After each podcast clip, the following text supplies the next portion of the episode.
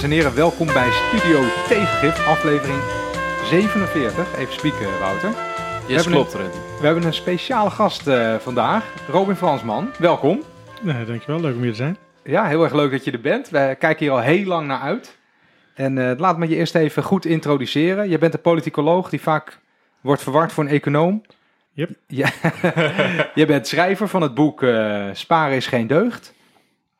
Zijn er nog meer? eh? Ja, er zijn inmiddels drie boeken van mijn hand uit, volgens mij. Nou, nee, de, de twee zijn essay-bundels. Eh, en een interviewbundel en dan Sparen is geen deugd, inderdaad. Sparen is geen deugd. Een hartstikke leuk boek. Ik kan het aanraden. Eh, je bent werkzaam voor de Argumentenfabriek. Hiervoor het Holland Financial Center, de AFM en beleggingsanalist bij Van Landschot Bankiers. Yep. Je hebt echt van alles en nog wat gedaan. Vergeet het nog, Capgemini. Heb je ook nog gezeten? Daar heb ik ook nog gezeten. En die ben chef geld bij de argumentenfabriek. Eh, ja, ja, inderdaad. Inderdaad, maar de- tegenwoordig is IT allemaal aanwezig. Hè? Dus wat dat betreft zou je vanuit IT natuurlijk overal heen kunnen gaan, toch? Ja, maar dat zijn we wel vergeten te vertellen, want je bent inderdaad eh politicoloog. Toen ben je tijdens de studie met ICT bezig gaan houden. Yep.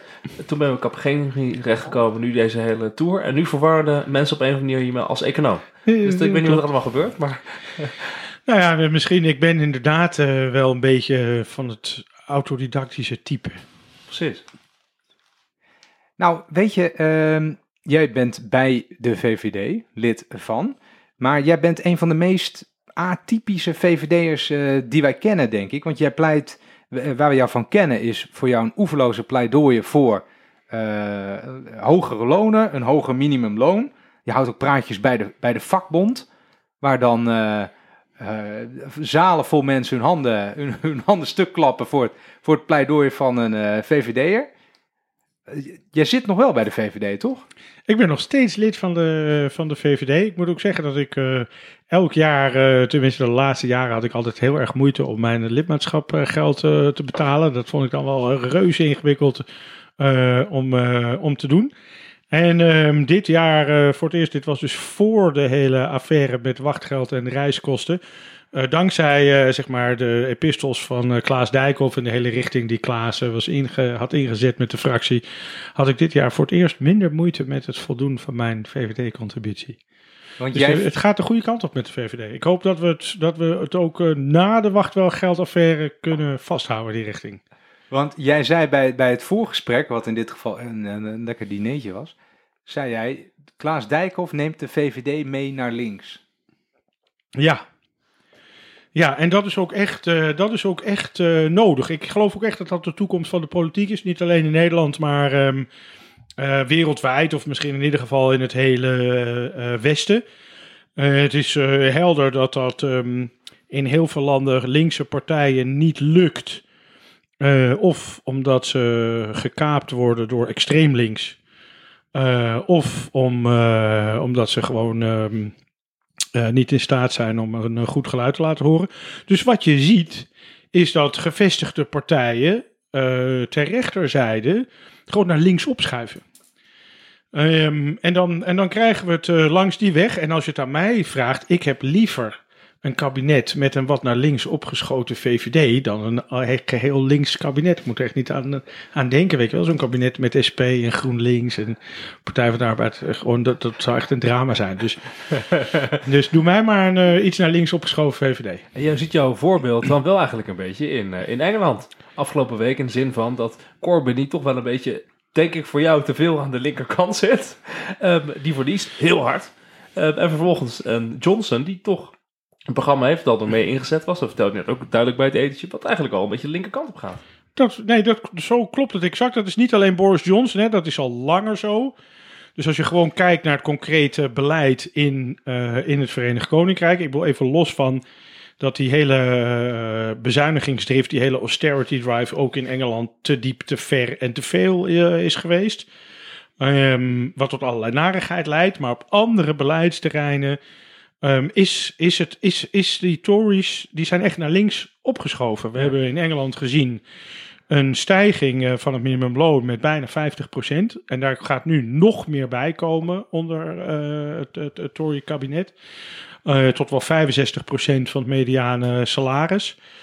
Ehm, je ziet in, in, in Engeland, er is eigenlijk bijna nergens in Europa meer windmolens op zee gebouwd dan in Engeland. Dus in Engeland is de kolen eh, stoken is, is nagenoeg naar nul inmiddels eh, gevallen. Eh, dus je ziet die verschuiving naar economisch links. Eh, die was al ingezet. Die was zeker na de brexit nog eens extra hard ingezet. Hè. May wilde dat eigenlijk al doen. Kwam daar door de brexit nauwelijks aan toe. Ehm, en Johnson kan dat nu wel gaan doen. Dus meer geld voor onderwijs, meer geld voor politie, meer geld voor, ehm, voor de NHS. Eh, dus we krijgen daar eh, links beleid van een, eh, van een conservatieve regering. Ik, mag ik, wat ik heel interessant vind, Robin, is dat jij de eerste bent die mij een soort enthousiast verhaal vertelt over hoe het misschien wel eens de goede kant op kan gaan nu Boris Johnson zijn mandaat eventjes flink heeft gevestigd. Want mijn, mijn hele timeline en, en mensen om me heen, die, die spreken allemaal van een, een ramp en een drama. dat en, vind ik zo en onbegrijpelijk. populisme dat werkelijk gewonnen heeft en de, de, de marketeers die de macht hebben overgenomen. Nou ja, het is, kijk, het is, het is natuurlijk een beetje Kremlin-watching. Ehm, eh, als je naar Johnson kijkt en dan naar die duistere krachten van Dominic Cummings. Cummings, eh, ja. Ehm, weet je, en dan al die, al die dog whistles ehm, eh, naar, zeg maar, een beetje radicaal eh, eh, rechts. Ehm, en we zullen moeten afwachten hoe dat, hoe dat verder gaat. Maar ja, kijk, je moet niet vergeten dat ze hebben er eh, 50, 60 zetels bij gekregen. En dat zijn in, in constituencies die echt wel links zijn, die Ja, echt ja, working ja. class zijn. En, ehm, en, en je ziet natuurlijk toch ook, en iedereen kan dat zien, je ziet natuurlijk ook dat het een jong-oud verhaal is. Hè? Dus eh 45 plus heeft conservative gekozen, 45 min heeft Labour gekozen. En die oudjes die gaan toch dood. Ehm, en die jonkies worden Jonkies ouder ook, en, en talrijker. Dus als je over vijf jaar nog een keer wil winnen, dan, ehm, dan, dan, dan zul je toch echt wel eh, economisch moeten leveren. Dus, dus ja, ik ben positief gestemd. Ik acht de kans van een hele zachte Brexit met een eh, heel met een deels zelfs Brexit in name only ehm, helemaal niet onwaarschijnlijk. En, ehm, en dan komt het denk ik allemaal eh, goed. Maar ja, ik ben inderdaad optimistisch van aard. Oh, wat heerlijk, wat heerlijk. Ik wil nog even in herinnering roepen dat wij hier een aflevering over hebben gemaakt.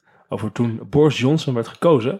Toen hebben wij naar zijn speech gekeken voor Downing Street. Daar toen een soort review over gegeven. Ja, wij werden helemaal gek. Tijden terug. Helemaal gek. Maar toen hebben we tegen elkaar gezegd. Dat we het even moeten een beetje een zelfverheerlijking doen. Dat Johnson zou gaan winnen. We hebben namelijk dit gezegd. Kan je het fragment laten luisteren, Wouter? En het, weet je wat het, het gekke is? Ehm, de, het spannende gaat wezen of de gewone Brit, die, die woont niet in Londen of in, eh, in een grote stad, die is niet een investeerder, die, dat die is een arbeider ergens in, eh, in een kleinere stad daar, eh, of die dit pikken van deze clown. Tuurlijk. Dat- dat vind ik super interessant. Hij is heel populair. Hij, is gekozen ook omdat hij dus eh, wordt gezien als iemand die dus met die eh Nigel Farage echt duidelijk de competitie aan kan. Dat hij al die Brexit-stemmen binnen kan harken. En dat hij veel populairder is dan eh, Jeremy Corbyn. Dus hij, het wordt echt bedacht, want deze man gaat bij de volgende nationale verkiezingen, die hij waarschijnlijk, denk ik, uit gaat schrijven nadat hij een vette, knallende ruzie heeft gehad met, eh, met de Europese Commissie, wie dat dan ook mag zijn. Dan gaat hij een enorm theater van maken, zodat hij kan zeggen, die net Salvini de hele tijd doet, hè, over die begrotingsregels in Italië, van eh eh, Brussel is een vijand. Zo gaat hij ook nog een keer doen. Knallende ruzie, veel theater erbij, tv-shows, noem het allemaal maar op. En dan verkiezingen uitschrijven en die een glansrijk, glansrijk winnen. Ik, ik vind, ja... Nou, dat is ongeveer wat er gebeurd is. Hè? Dit is wat we, we hadden gezegd. Eh, dat wil ik even, even in herinnering eh, roepen. Ehm, maar ik vond het wel heftig vond om te zien dat Johnson dus met zo'n enorme voorsprong gewonnen heeft. Echt enorm, enorm, enorm. Ehm, en wat ik ook fascinerend vind, is dat dus de hele Labour-kant, en blijkbaar ook je hele tijdlijn, eh, eh, Wouter. Ja, en jou, dus- eh, wees even eerlijk. Nee, maar dat ik niet, dat ik niet door, hè, dat ik niet begrijp waarom mensen dachten dat Corbyn echt een kans had.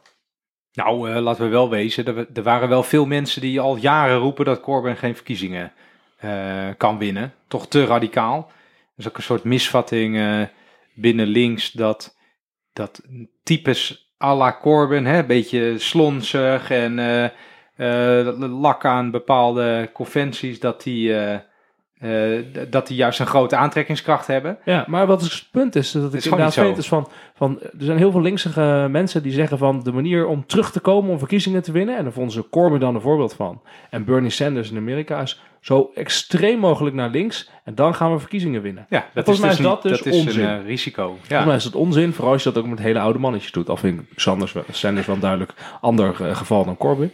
Ehm, maar het is wel, mooi, wel interessant om te zien. En vooral dus dat Johnson in staat is om al die arbeiders ook aan zich eh, te binden. Hè. Je hebt die enorme, nu al klassieke foto van eh, een groepje Engelse arbeiders met een heel groot eh, bord staan. We love Johnson.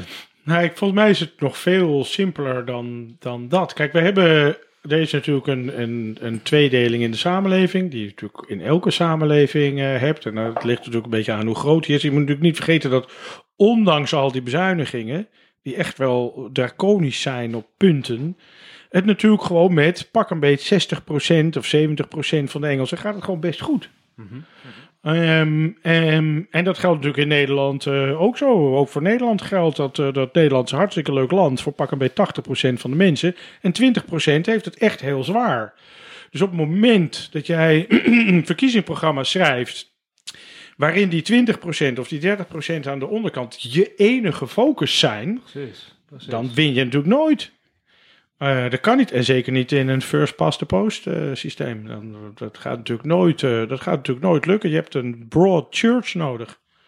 Om maar in Engelse termen te blijven. Ja. ik, ik, we krijgen we- wel een beetje mot als we niet ook nog benoemen dat er wel aan de andere kant van het. Er zit ook een andere kant aan deze medaille. Dat er eh, best wel wat vrees is rond de manier waarop Boris Johnson huisgehouden heeft in de, in de, in de Conservatives. Eh, bij, waarbij mensen die het niet met hem mee wilden, of uit de partij gestapt zijn, of uit de partij gezet zijn.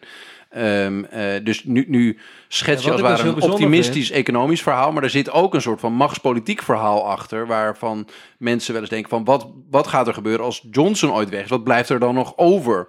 Ehm, eh, is dit niet echt een soort van eh, huishouden dat, waar, waar weinig meer van overblijft? Eh, omdat het puur een campagnemachine is geweest die goed is geweest om deze verkiezingen te winnen.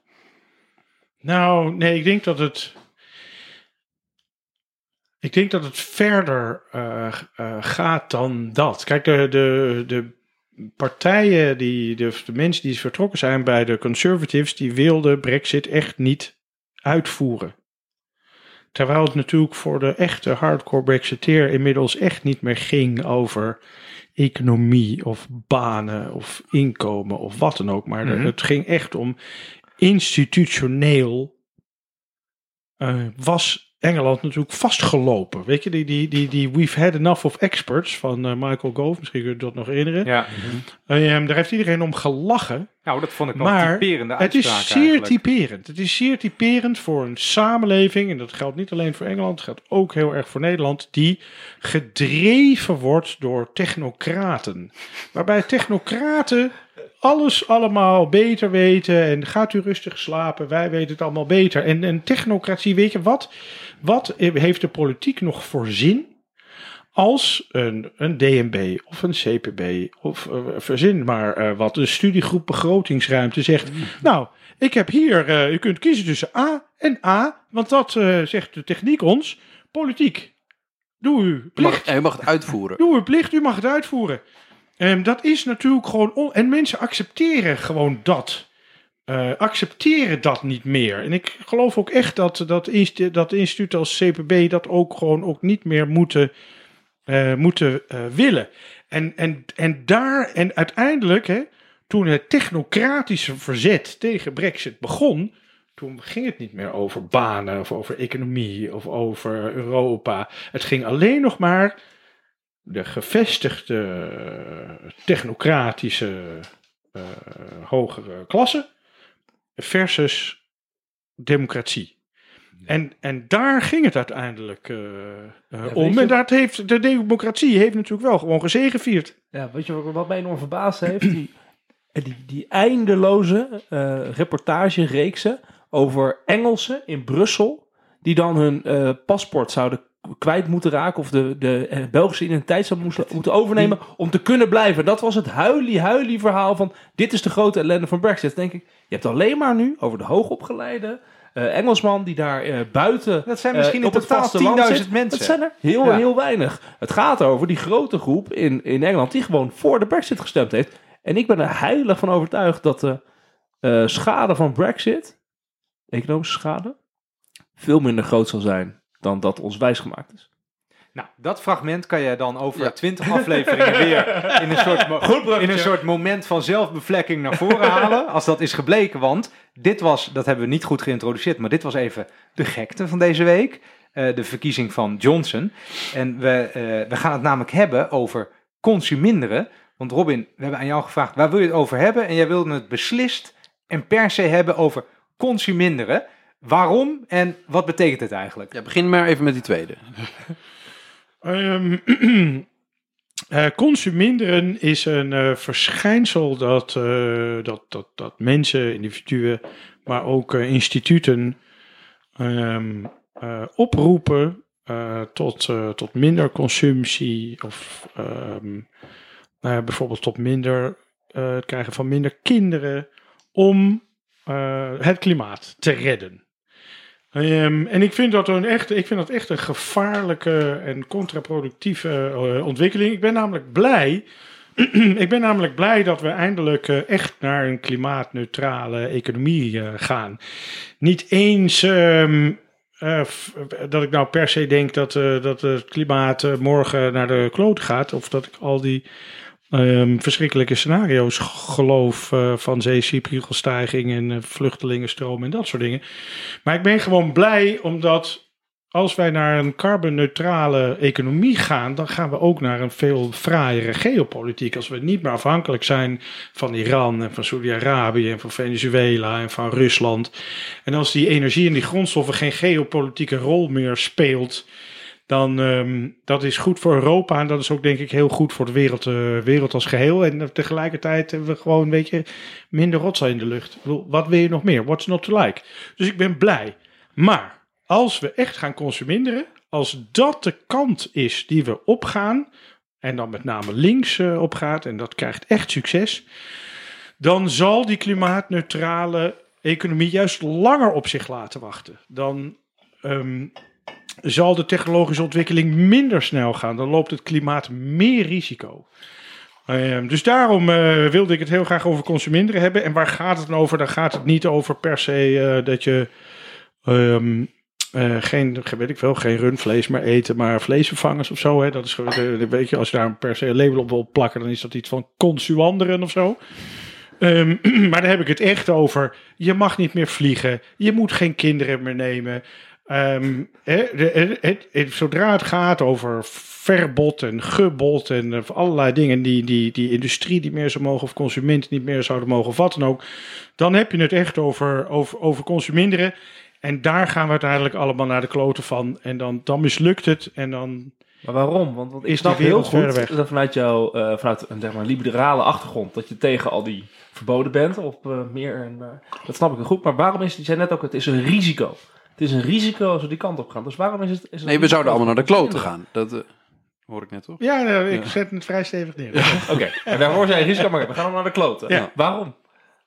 Wat, nou, kijk, als je naar die. Uh, het punt is met dat klimaat is dat um, een beetje minder is niet de uitdagingen. Als je denkt, ik wil, die, uh, ik wil het klimaat redden. En als je denkt, ik wil geen fossiele brandstof meer gebruiken. En ik wil niet meer afhankelijk zijn van, van Rusland en van Saudi-Arabië. Als je dat echt denkt, dan moet je niet naar minder. Je moet echt naar nul. We moeten naar nul carbon uitstoot. Dat betekent dus, hè, de, er zijn verschillende, daar kun je komen. Hè, je zou kunnen zeggen, als we gewoon collectief zelfmoord plegen, gewoon 7 miljard zelfmoorden, dan zijn we in één keer hè, klaar. Ja. In één keer klaar. Maar dat is onwaarschijnlijk, hè? Dus het gaat niet om, we moeten een beetje minder vliegen, of een beetje minder autorijden, of een beetje minder vlees eten. Je moet echt naar nul. En het punt is natuurlijk, is dat mensen hebben het, als we het hebben over carbonuitstoot, dan denken ze aan vliegen. Ze denken aan autorijden. Maar het punt is natuurlijk, als jij naar de appie gaat en je stopt daar je uh, mandje vol met uh, sinaasappeltjes en bloemkooltjes en macrobiotische peultjes, dan loop jij met een mandje carbonuitstoot weer naar buiten. Want carbonuitstoot zit in alles. Als jij naar het ziekenhuis gaat voor een blinde darmoperatie, dat is een carbonuitstoot. Nou, daar, ver- dat, daar verbleekt een vlucht naar Spanje bij hoor. Een open hartoperatie, daar kun je echt gewoon met, ho- met 100 man naar Thailand. In het vliegtuig. En dan heb je minder carbonuitstoot dan die ene open hartoperatie. Dus het punt is, als je echt naar consuminderen gaat, dan gaat het dus niet over een beetje minder vliegen of geen vlees meer eten. Dan gaat het over, joh, wil je wel een blinde darmoperatie? Wil je dat wel? Wil je eigenlijk nog wel eten? Überhaupt. Weet je, er zijn natuurlijk bepaalde dingen, weet je, er zijn natuurlijk bepaalde consumptiegoederen, zoals inderdaad een vlucht, zoals autorijden, waar heel duidelijk aan wijsbaar is, en waar de fossiele eh, inhoud ook heel duidelijk zichtbaar is en ook relatief hoog. Maar als jij naar het ziekenhuis gaat, weet je, even los van, weet je, wat er allemaal komt kijken bij het maken van, nou, pak nou chemotherapie tegen kanker of zo. Wat daarbij komt kijken om zo'n medicijn te, te onderzoeken, te ontwikkelen, te fabriceren. Dat is enorm. Ja. Hè, dus, dus, dus, dus op het moment dat je zegt, ik ga consuminderen, stel nou dat we dat eens echt doen, hè, op, zo'n- op, een, op, een, op een sector, bijvoorbeeld, weet ik veel, op de vliegindustrie of zo. En we, gaan, we besluiten allemaal, weet je wat, we vliegen niet meer.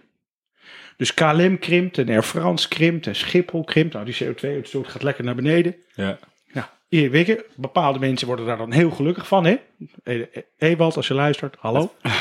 Ehm, maar wat gebeurt er dan? Denk je dat KLM nog gaat investeren in, eh, in, in, in, in eh, synthetische kerosine? Nee, daar is dan geen geld meer voor. Gaan, vlieg, gaan vliegtuigmaatschappijen dan nog investeren in zuiniger vliegtuigen? Gaat Shell investeren in synthetische kerosine? Dat doen ze dan niet meer. Moet je je voorstellen als je dat economie breed doet. Ja. Dan gaan we dus met z'n allen verarmen.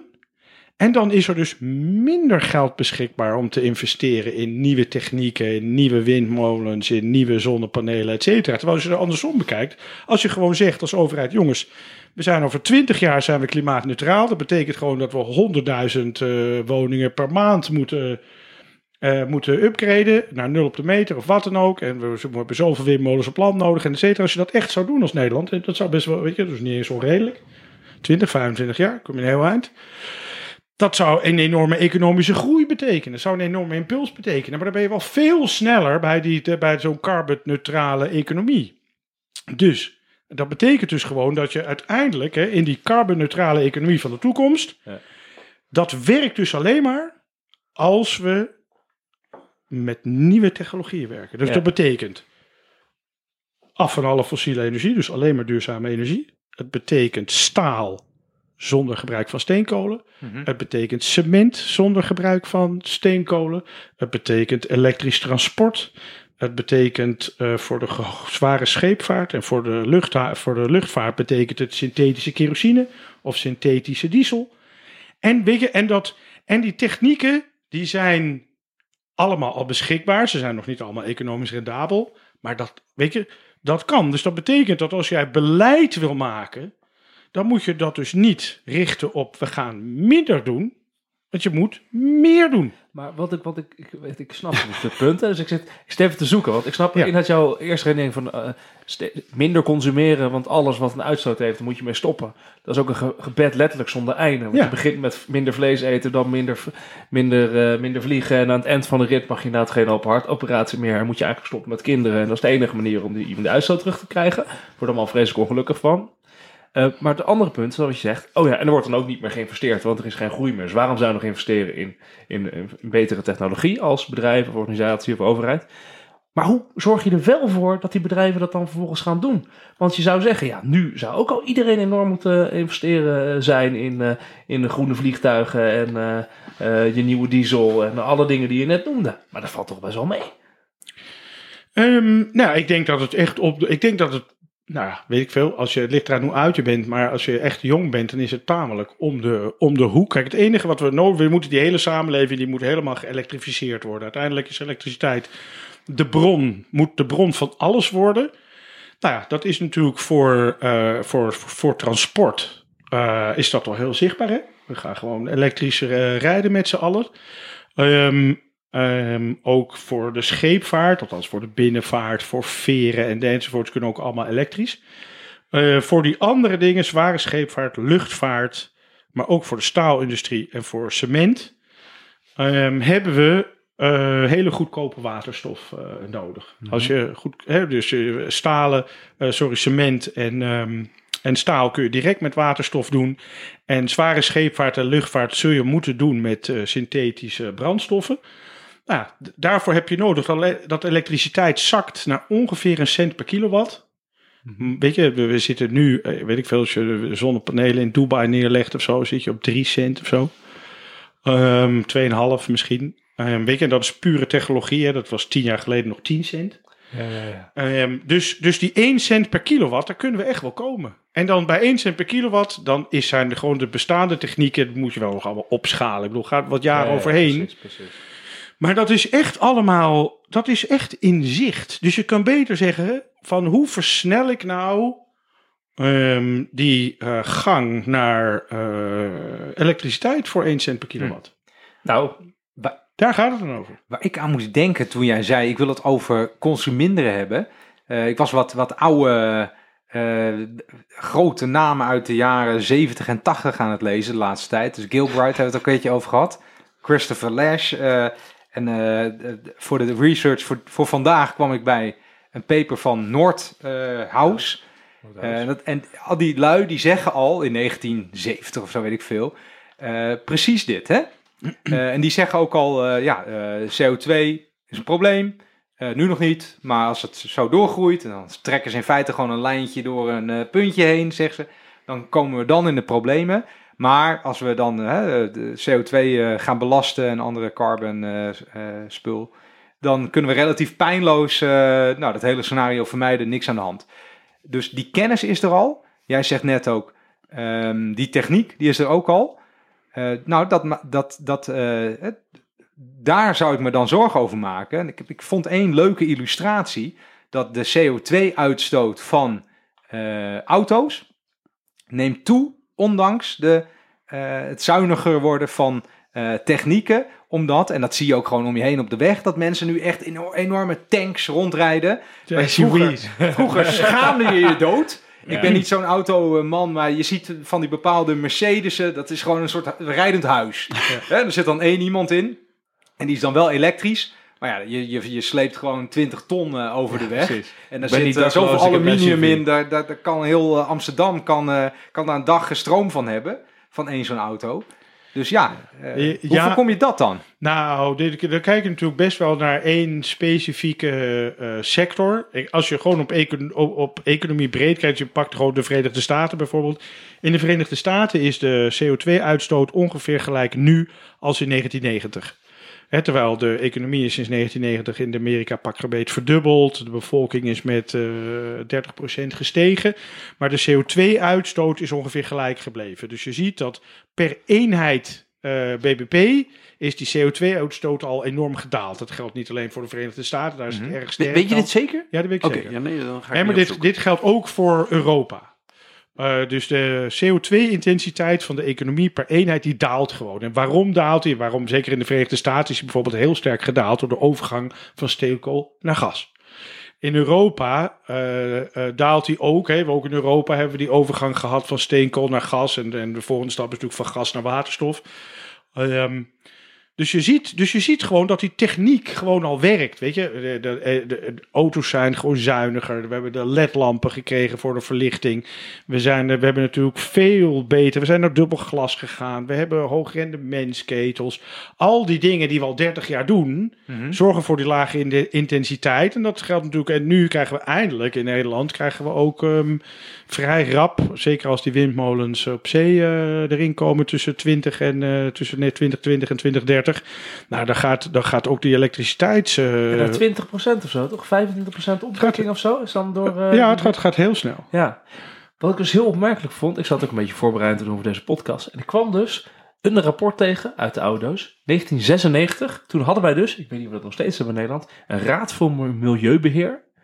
Deze bestaat er nog, weet je dat? Raad Ja, ik kijk naar jou van bestaat die heb nog? Ik weet het niet. Die, die bracht een rapport uit, groot nieuws, meerdere berichten gevonden. En die zeiden, consuminderen is sowieso niet de crux. Gaat het niet doen. De overheid moet inzetten op milieubesparende technieken. Als ja, we dat met ja. z'n allen gaan doen, dan komen we op, het goede, eh, op de goede plek uit.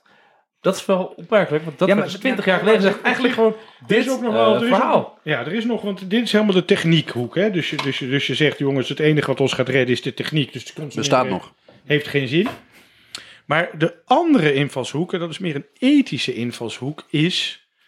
Ehm, eh, weet je, eh, je, want je kunt nog iets denken van, nou oké, we moeten inderdaad naar nul, maar misschien kunnen we eh, meer tijd voor de techniek, voor de technologische ontwikkeling maken. Als we het nu consumeren, dan is er misschien meer tijd, hè? Ja, ja. Maar ondertussen groeit die economie natuurlijk in Zambia ook.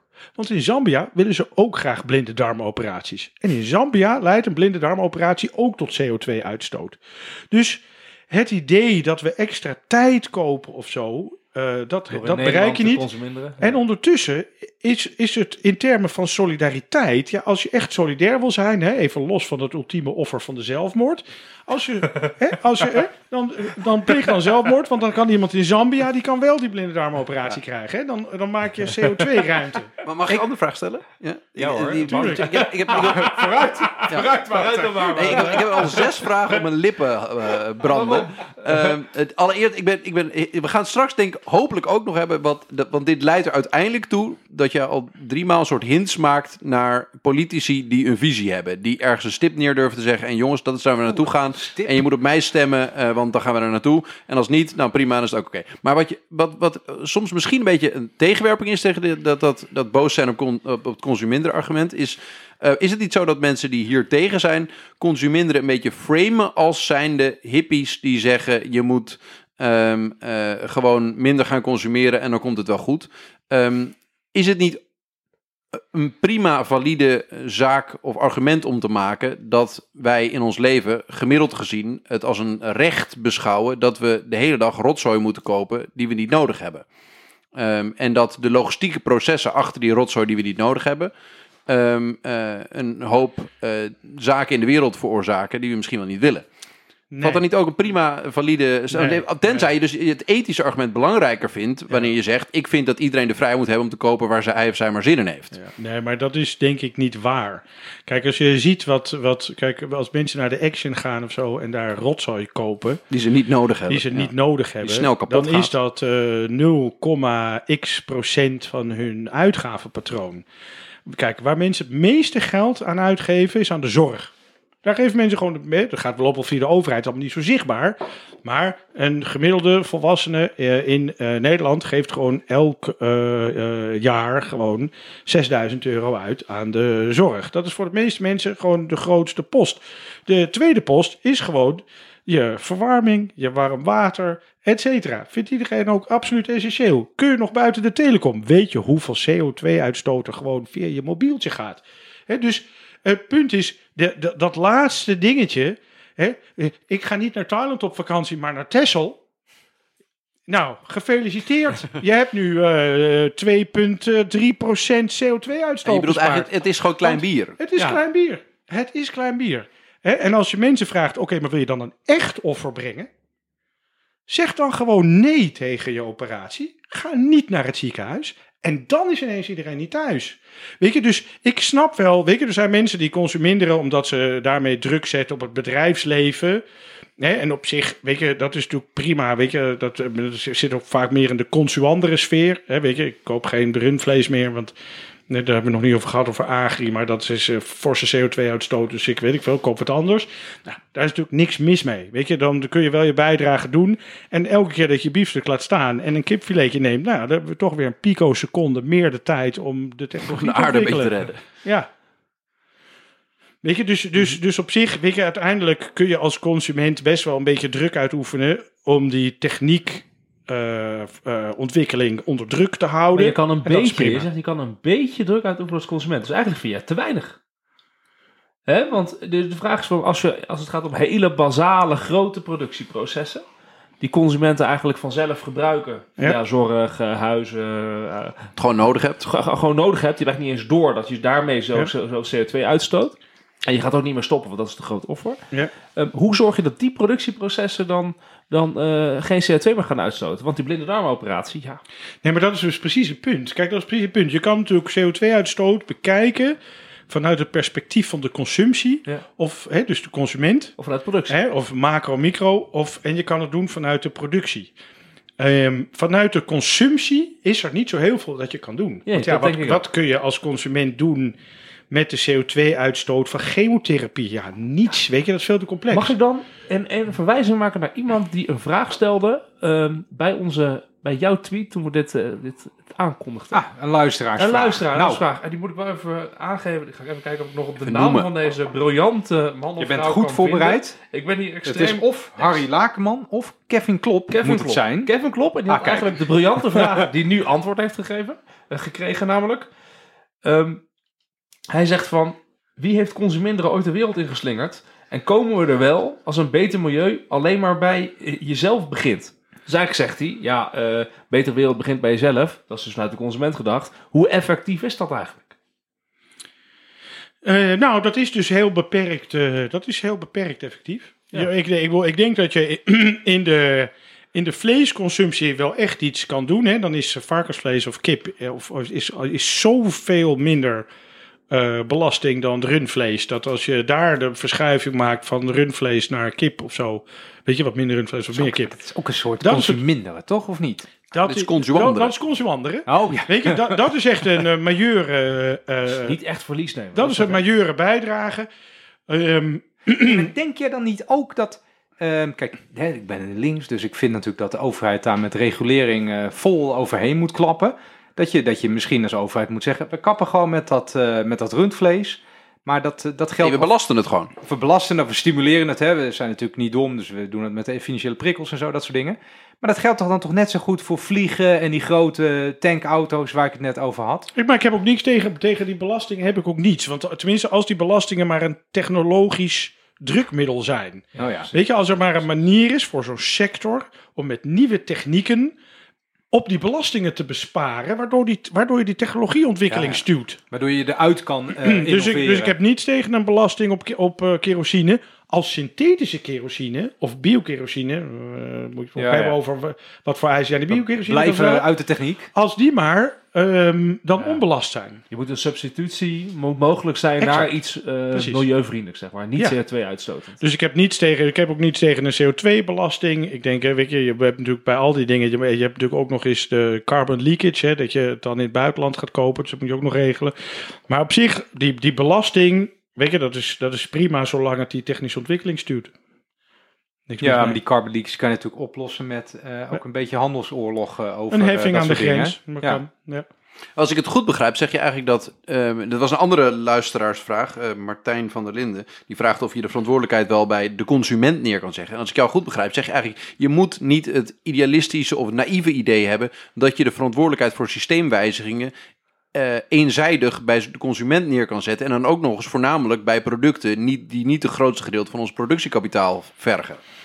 Nee, dat, zo, dat is zo. De invloed van de consument is gewoon eh, beperkt. Je kan natuurlijk als collectief van consumenten ook wel druk zetten op, op eh, ondernemingen. Ehm, en, en, en in die zin kan het best een beetje, een beetje eh, zin hebben. Weet je, ik heb een collega die, die, die hoopt dat ze door niet te vliegen de luchtvaartmaatschappijen zo ver krijgt om te investeren in, eh, weet ik veel, biokerosine Treinen. of zo.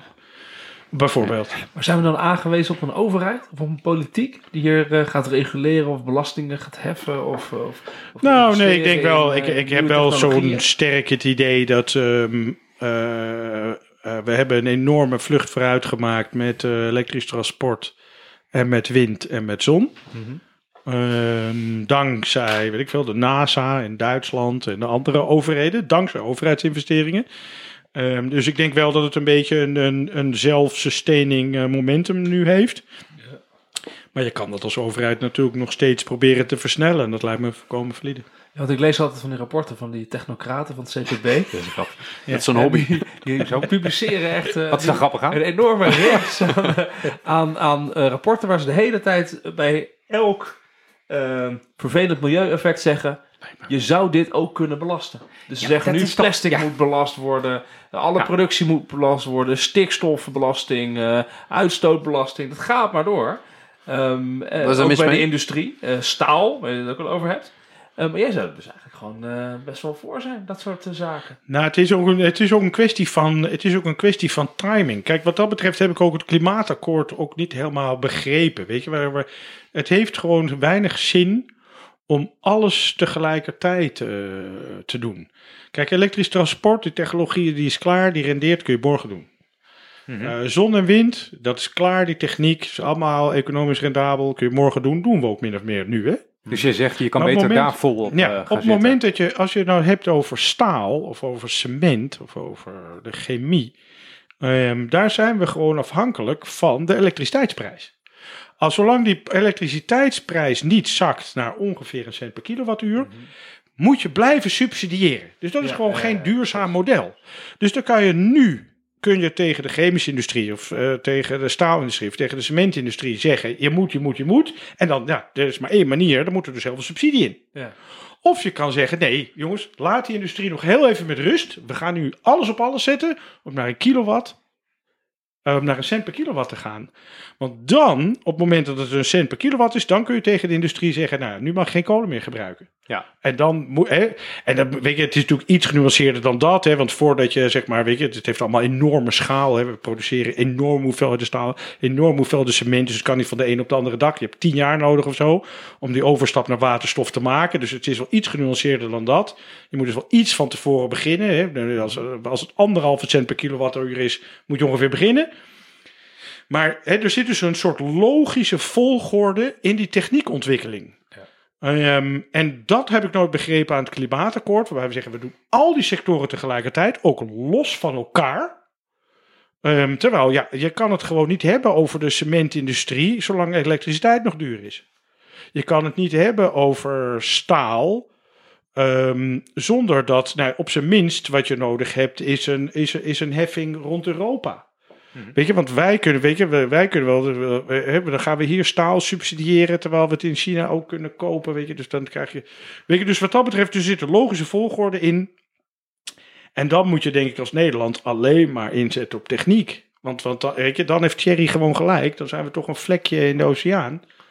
Ehm, en met die techniek kunnen we nog lekker geld verdienen. Dus we moeten het, eh, het Wopke Wiebesfonds eh, moet een eh, paar miljard reserveren voor dit soort eh, investeringen in dit soort technieken. Ja, nou, dat zou heel goed, eh, dat zou, dat zou heel goed kunnen. Ja, Maar ik hoor ook vooral een, een enorm regelgevend, eh, regelgevende uitdaging om die, die producten van buiten, dat, dat, het vieze staal uit China, eh, om dat aan de grens eh, te weren. Maar dat staat nu ook in de Green Deal van die dus vorige week Timmermans. Door Timmermans is aangekondigd. Daar staat zeg maar een grensheffing rond eh, voor carbon. Nou, en dan, dan, dan kun je in ieder geval op Europese schaal kun je meters eh, maken. Maar kijk, het punt is, kijk, subsidie aan staalfabrikanten om, eh, om waterstof te gebruiken in plaats van kolen. Dat zou, ook- zou op zich best kunnen, hè? als je zegt, nou, dat doen we dus tijdelijk totdat we goedkope waterstof hebben. Ja. Maar dan moet je daarnaast wel echt een pad hebben van naar die, die cent per kilowattuur elektriciteit. Dat moet je dan ook doen. Want anders gaan we tot in de eeuwigheid subsidie, ge- Ja. subsidie geven. En het punt is, Ja, er is ook geen innovatieprikkel. er is dan geen inno- inno- innovatieprikkel, maar die, die, die subsidie, die, die komt dus niet zomaar, die subsidie komt ergens vandaan. Komt Nee, uit die wordt ook met vervuilende economische activiteiten die wordt ook opgewerkt. Precies Ja, dat. eh, Weet je, dus subsidie op zichzelf, weet je, want dan heb je misschien de- de linkerhand moet dan iets vervuilends doen om ergens anders iets schoons te, te stimuleren. Dus dan, Ja, en het raakt verhuld. Precies. in de zin van je weet niet meer wat je doet om iets schoons te doen. Dus je Zo weet niet het. eens of je er netto op vooruit gaat. zo is het. Ja, het- voor, ik heb een keer een, ergens een soort eh, praatje gevolgd van iemand die had heel veel verstand van zonne-energie. En die liet eh, zien, en was daar heel erg van onder de indruk, dat er eigenlijk een soort, nou, af, soort, het was geen rechte lijn, het was een soort logaritmische schaal of zo, ja, ja. van de energieprijs van zonne-energie. En hij zei, dat is al, dat is al twintig jaar volgt dit patroon. En je weet dus nu al dat op een zeker punt eh, in de toekomst, eh, nou, kom je dan onder die 1 cent eh, die, die jij nu noemt. Ja, nee, die curve kun je tekenen voor wind, voor zon, voor batterijen, voor wat dan ook. Dat heet dan de learning eh, curve. Hè. Dus, eh, en dan weet ik veel, die, die, heeft dan, die heeft dan een constante voor. En voor elke sector is die constante net anders.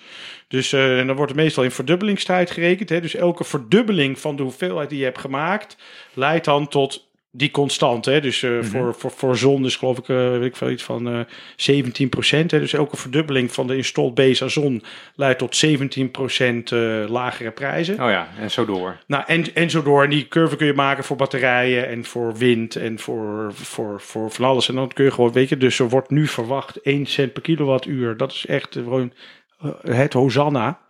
Dat wordt nu verwacht rond 2030. Maar dat is ook een lokaal ding, hè? want je hebt wel lokaal dus een heleboel uh, productiecapaciteit. Ja, stroom is dus geen wereldmarkt, hè? Wat, uh, exact, wat stroom is geen wereldmarkt. denken.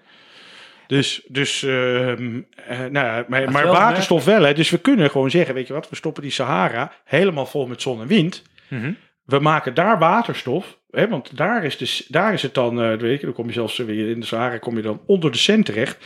Dan maak je in de Sahara maak je waterstof. Met de pijplijn, hup, de En dat kan met, een, met ja. een pijplijn of per schip naar ons toe komen.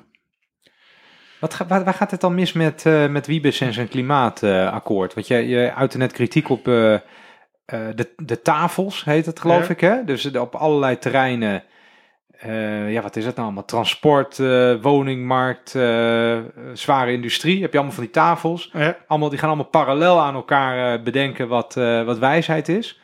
waarom snappen ze, wat, waar gaat het dan mis? Nou, dat weet ik. moet heel zeggen dat ik dat niet zo goed uh, uh, weet. Kijk, wat ik niet. Um, het, ik denk wat, wat, waar het misgaat, is dat die fundamentele analyse ontbreekt. Over de learning curve. En dergelijke. Nou, over. Uh, weet je, dat besef, we moeten naar nul. En, en dat, dat gaat dus alleen maar lukken met nieuwe techniek. En als we, die, als we die nieuwe technieken niet vinden, niet krijgen, dan gaan we dus ook het klimaat niet redden. Stel dat we dat niet krijgen, ja, nou, dan gaat die zeespiegel gewoon stijgen. Want dan, weet je, dan, dan komen we bij, die, bij dat 3 graden scenario, 4 graden scenario. Dat gaat dan gewoon gebeuren. Dus als, je, als dat niet je startpunt is, als je gewoon gaat zeggen, ja, we gaan gewoon onze, we gaan gewoon onze kip zonder kop, onze uiterste best doen. Hè, en iedereen moet, jullie moeten allemaal je uiterste best doen. Ja, dan is er dus geen overkoepelend verhaal, geen overkoepelende visie. En, en ik denk dat het daar dan uh, misgaat. En dan worden mensen het ook niet eens. Dus dat is een scenario. Het andere scenario is. Ik praat er wel eens met Ewald uh, Engelen over. En voor Ewald gaat het niet alleen om het klimaat. Ewald gaat het ook om de biodiversiteit en om uh, alle andere milieuaspecten. Uh, dus dus voor, hem is het, voor, hem is het, voor hem is het dus nooit, het is nooit af, het is nooit genoeg. Hij wil nooit dingen in isolement bekijken. Ik heb het gevoel dat een discussie uh, geslecht wordt. Um, dus, dus, dus in die zin... Uh, Ewald kan ook uitnodigen. Weet je, dus, er zit, maar Ewald, ik, ik mag Ewald heel graag hoor. Uh, dus in die zin is... Um, weet je, daar zitten Milieudefensie en Greenpeace en de Partij voor de Dieren. En, en, en dat denken zit natuurlijk ook aan tafel in die klimaattafels. Ja, en dan, dan is er ook geen einde aan. Want de, denk je ook niet dat er een... ieder economisch probleem is vaak ook een beetje een moralistisch aspect heeft dat? En ik voel dat bij dit ook. En ik ben daar zelf ook toe geneigd, uh, namelijk. Dat hè, ik zie al die, al die hersenloze consumptie om mij heen. En ik zie nu in de, uh, nou je woont er niet in Den Haag hier, heb je nu van die uh, reclameschermen met video's. Dus zelfs als je gewoon op straat, als ik door mijn stad loop, dan word ik blootgesteld aan allemaal vreselijke zinloze producten en reclames in your face. Denk ik, Black Friday duurt een maand. Niet, kan dat alsjeblieft niet wat minder? Waar is het, waar is het goed voor? Kunnen we onze tijd niet beter besteden? ja, ik denk, weet je, de, de, de, liberaal in mij wordt dan echt wakker. Want dan denk ik, ja, hoe, wie bepaalt nou wat zinloze consumptie is? Ja, nou, ik gewoon voor anderen. Ja. dat is sowieso waar. Ja, daar, daar, heb je dus het autoritaire socialisme te pakken. maar je hebt een soort naïef idee, een soort vrije wil van mensen die, die, uh, die goddelijk is. Dat mensen de vrijheid moeten hebben om alles te doen, ook al is het achterlijk. Nee, nee. Ik, dus, ik realiseer mij heel wel uh, de, alle beperkingen aan de vrije wil en de illusie van de uh, vrije wil. Maar het omgekeerde is natuurlijk ook uh, waar dat we met geen enkele zekerheid kunnen vaststellen wat de objectieve goede vrije wil is. kijk, het idee dat mensen een objectief belang hebben en dat je dat van buiten zou kunnen bepalen, is puur marxisme. Um, en, en, en dat, die weg leidt tot tirannie. de enige die kan bepalen wat voor hem of haar het objectieve belang is, is die persoon eh, zelf. En daar kan je het best niet mee eens zijn. En dan kun je best een eh, debat eh, over voeren. Maar het kan nooit een basis zijn voor een gebod of een verbod. Want, want ja, dan, dan, ja, dan Pol Pot is dan je Het toekomst. einde hè? zoek. Ja, het einde is zoek. Oh, lekker. Sorry Nou, ik ben, we schenken ondertussen even een lekker kopje. Ja, we zijn, we zijn en, eigenlijk eh, bij het grote twistpunt aangekomen. Wel leuk. De chocola? Nee, nee, nee. Oh, Nee, normaal is hier inderdaad chocola. Ik vind het ook. eh, Waar is de chocola? Ja, vergeten. Echt? Ja, weet ik niet. Ik moet toch zeggen, nu we, we gaan weer even af van de weg naar de tirannie eh, met, met, met jouw welbevinden. ja. Ehm, ik, maak, maar ik ben nog steeds niet gerustgesteld op het punt dat alle, al die efficiency winst, hè, die, die door techniek bereikt wordt, dat die niet ehm, in plaats van hè, ten goede komt aan eh, nou, eh, duurzaam, een duurzame economie, eh, maar dat die, dat, die, dat die opgegeten wordt door meer consumptie. Van wat dan ook, hè? even los van of dat dan een auto is of, of whatever. Dus dat bijvoorbeeld die, die energie, ehm, die goedkoper wordende energie, om Ja. even bij dat voorbeeld te blijven, dat die gaat zitten in steeds grotere energieconsumptie. Waardoor je uiteindelijk alsnog eh, er niet op vooruit gaat qua duurzaamheid. Nee, maar op een gegeven moment is dat gewoon nul. Kijk, lijkt het, jij, bent, jij bent wel econoom, toch? Ja, ja. Jij bent wel econoom.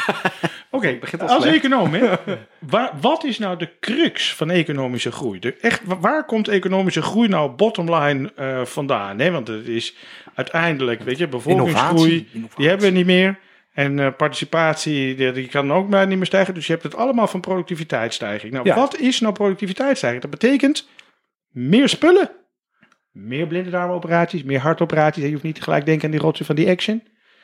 Ehm, eh, meer diensten, meer ouderenzorg, meer eh, Ja, maar daar plezier. Met minder resources. Ja, Ja, minder dingen of mensen. Exact. Kapitaal, Maar dat is toch- Meer spullen met minder resources. Maar dat is dat is de crux van economische Maar dat was altijd al zo. Dat was altijd al zo. Vandaar dus ook dat die CO2-uitstoot in de Verenigde Staten nog steeds op het niveau van 1990 is, terwijl die economie verdubbeld is. Dus uiteindelijk is dat de, eh, de, de, de weg.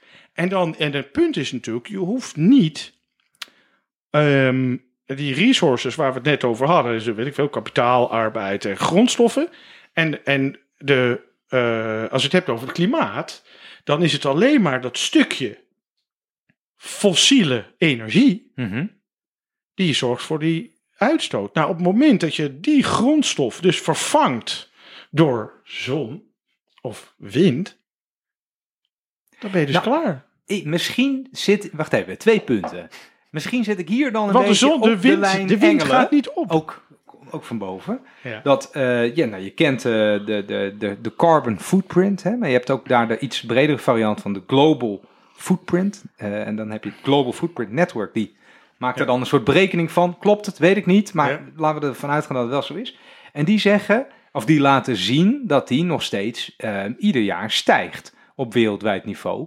En dat is dus waar ik bang voor ben, dat wij ondanks ehm, die steeds beter wordende technologieën, waar inderdaad eh, het economisch systeem ook naartoe tendeert, Ja. dat toch ehm, de, de, de voetafdruk die de mens op de aarde zet, steeds groeit. En dat dat dan ook komt omdat dat niet alleen zit in benzine en eh, nou, eh, wat je net allemaal noemt, maar ook inderdaad in de, de plastic, in de zee en eh, eh, ontbossing om eh, de, de landbouwgoederen te, te verbouwen. En dus dat dat over de breedte gaat en dat je dus uiteindelijk toch je, eh, je consumptie van materiële goederen, dus diensten is iets anders denk ik, dat je die toch ergens moet terugdringen.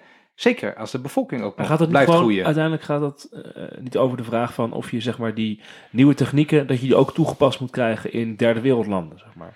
Is daar niet, want als je het hebt over de, eh, die, die Ja, maar als die efficiënter zijn, gaat dat vanzelf, toch? Hè?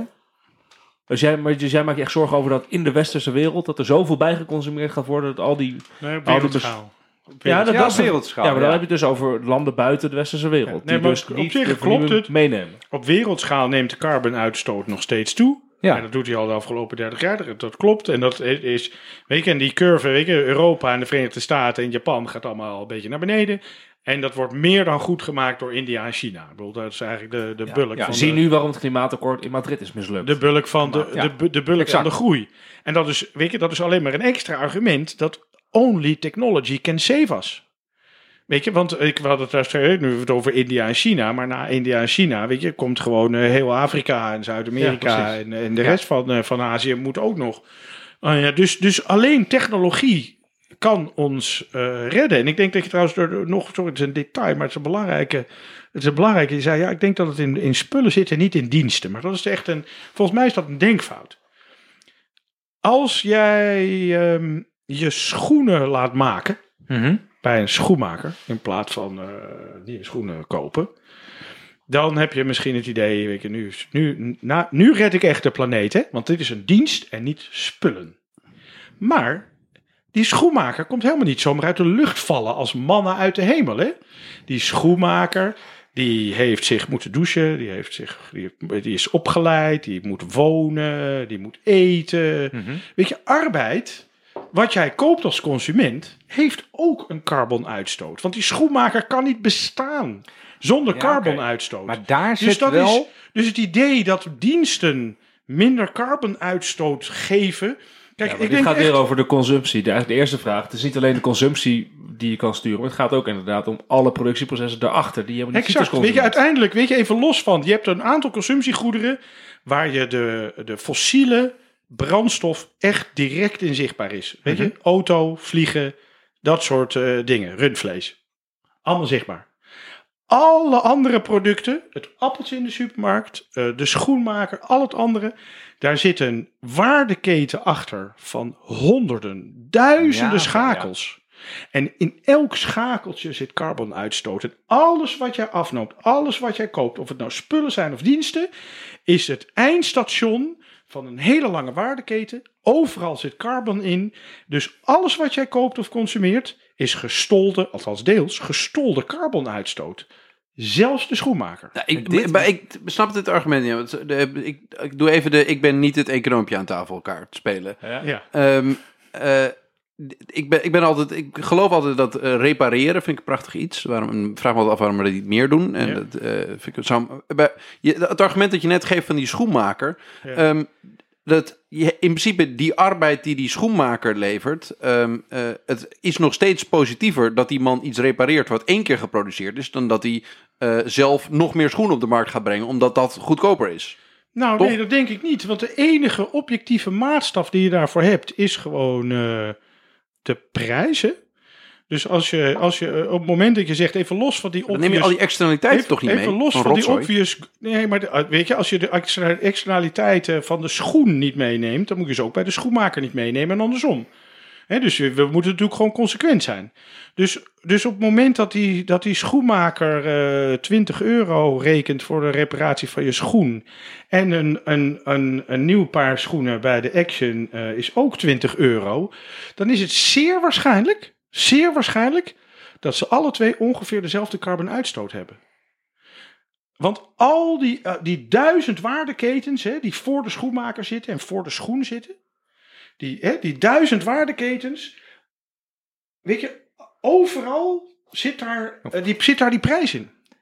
Ja, maar dat is dan aangenomen dat ehm, die, alle vervuiling ook een weerslag heeft in de prijs. Dat is natuurlijk wel zeer de vraag. Nee, dat, dat, nou, bij, bij sommige goederen is het obvious. Hè? Dus eh, vluchten, eh, weet ik veel, met de auto naar Frankrijk, weet je wat die benzine. Mhm. Bij, bij, bij sommigen is het natuurlijk obvious dat ehm, eh, de ene consumptie heeft een carbon content van 80%. Hè, weet je, vliegen met vliegtuig heeft een carbon content 80%.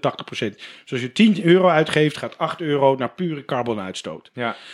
Maar op het moment dat dat dus een heel complex eh, product is waarvan je de energiecontent eigenlijk niet echt kan zien en nauwelijks kan berekenen, zonder een miljoen miljard aannames te doen die allemaal kwestieus zijn, hè, dan is natuurlijk de prijs de enige betrouwbare indicator die nog iets zegt over hoeveel carbon content zit er eigenlijk ja, in. Ja. Dus, en dan is het dus gewoon zo, en voor al dat soort goederen kun je gewoon denken, hoe goedkoper, hoe beter voor het milieu. Ik heb, ik heb toch nog één. Ik, dit, dit slaat natuurlijk wel ergens op. En toch heb ik desondanks nog één tegenwerping. Namelijk als het gaat om diensten versus materiële consumptie. Ja. dat eh, als je een economie hebt die, die ik even als extreem, hè? Als extreem voorbeeld, een economie die draait omdat iedereen elkaar eh, massages geeft voor geld. Ja, Eh, dat je kan maar 24 uur per dag gemasseerd worden, ja. maar je kan wel een eindeloos, eindeloos veel materiële consumptie aanschaffen. Dus wat dat betreft zit er een soort plafond. Ja, dat is, er is toch een prikkel zou er moeten zijn om over te gaan richting diensten in plaats van onbeperkt te blijven schoenen kopen. Gewoon, Ja, je kan miljarden, ik kan miljarden schoenen kopen in theorie. Ik kan niet miljarden keren mijn schoenen laten maken.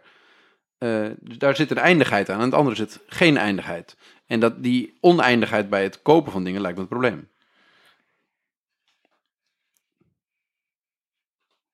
Nou, ik denk dat Wouter wel een punt heeft in de zin van dat het goed is, dat het beter is voor het milieu dat jij, dat jij een aantal jaar je schoenen laat. Nou, kijk, nee, kijk, nee, maar, of nee, maar dat is, repareren nee, omdat dit, is heel, dit is natuurlijk heel raar. Kijk, het kopen van een miljard paar schoenen is natuurlijk geen consumptie van schoenen. Weet je, dat is gewoon hoarding. Je, je kan net zo goed je, je, je geld in een, in, een, in, een, in, een, in een gat stoppen natuurlijk.